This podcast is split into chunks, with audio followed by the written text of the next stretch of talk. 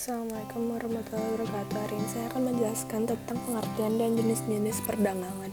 Perdagangan adalah kegiatan atau proses pertukaran barang dan jasa dari produsen ke konsumen antara satu wilayah ke wilayah lain.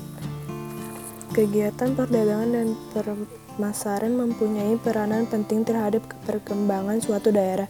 Usaha perdagangan dapat dipertinggi nilai suatu barang mempertinggi tingkat konsumsi masyarakat dalam jenis dan kualitas barang serta memperluas pergaulan hidup antar manusia, antar daerah, dan antar negara.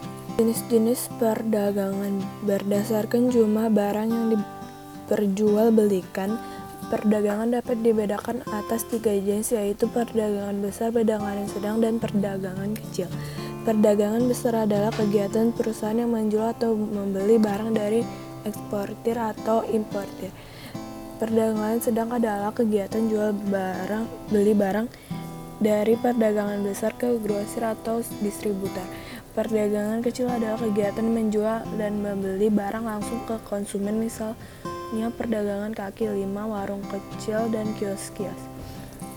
Berdasarkan tempat tujuan barang perdagangan yang dipasarkan perdagangan dibagi menjadi perdagangan dalam negeri dan perdagangan luar negeri.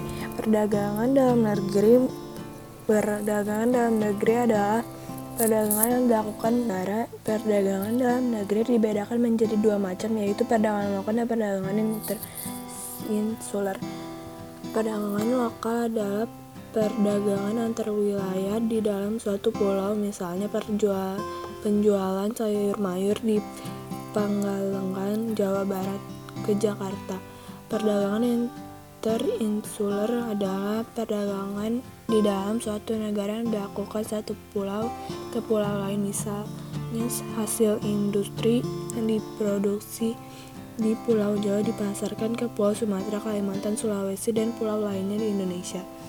Sekian dari saya, sampai maaf jika ada kesalahan kata. Assalamualaikum warahmatullahi wabarakatuh.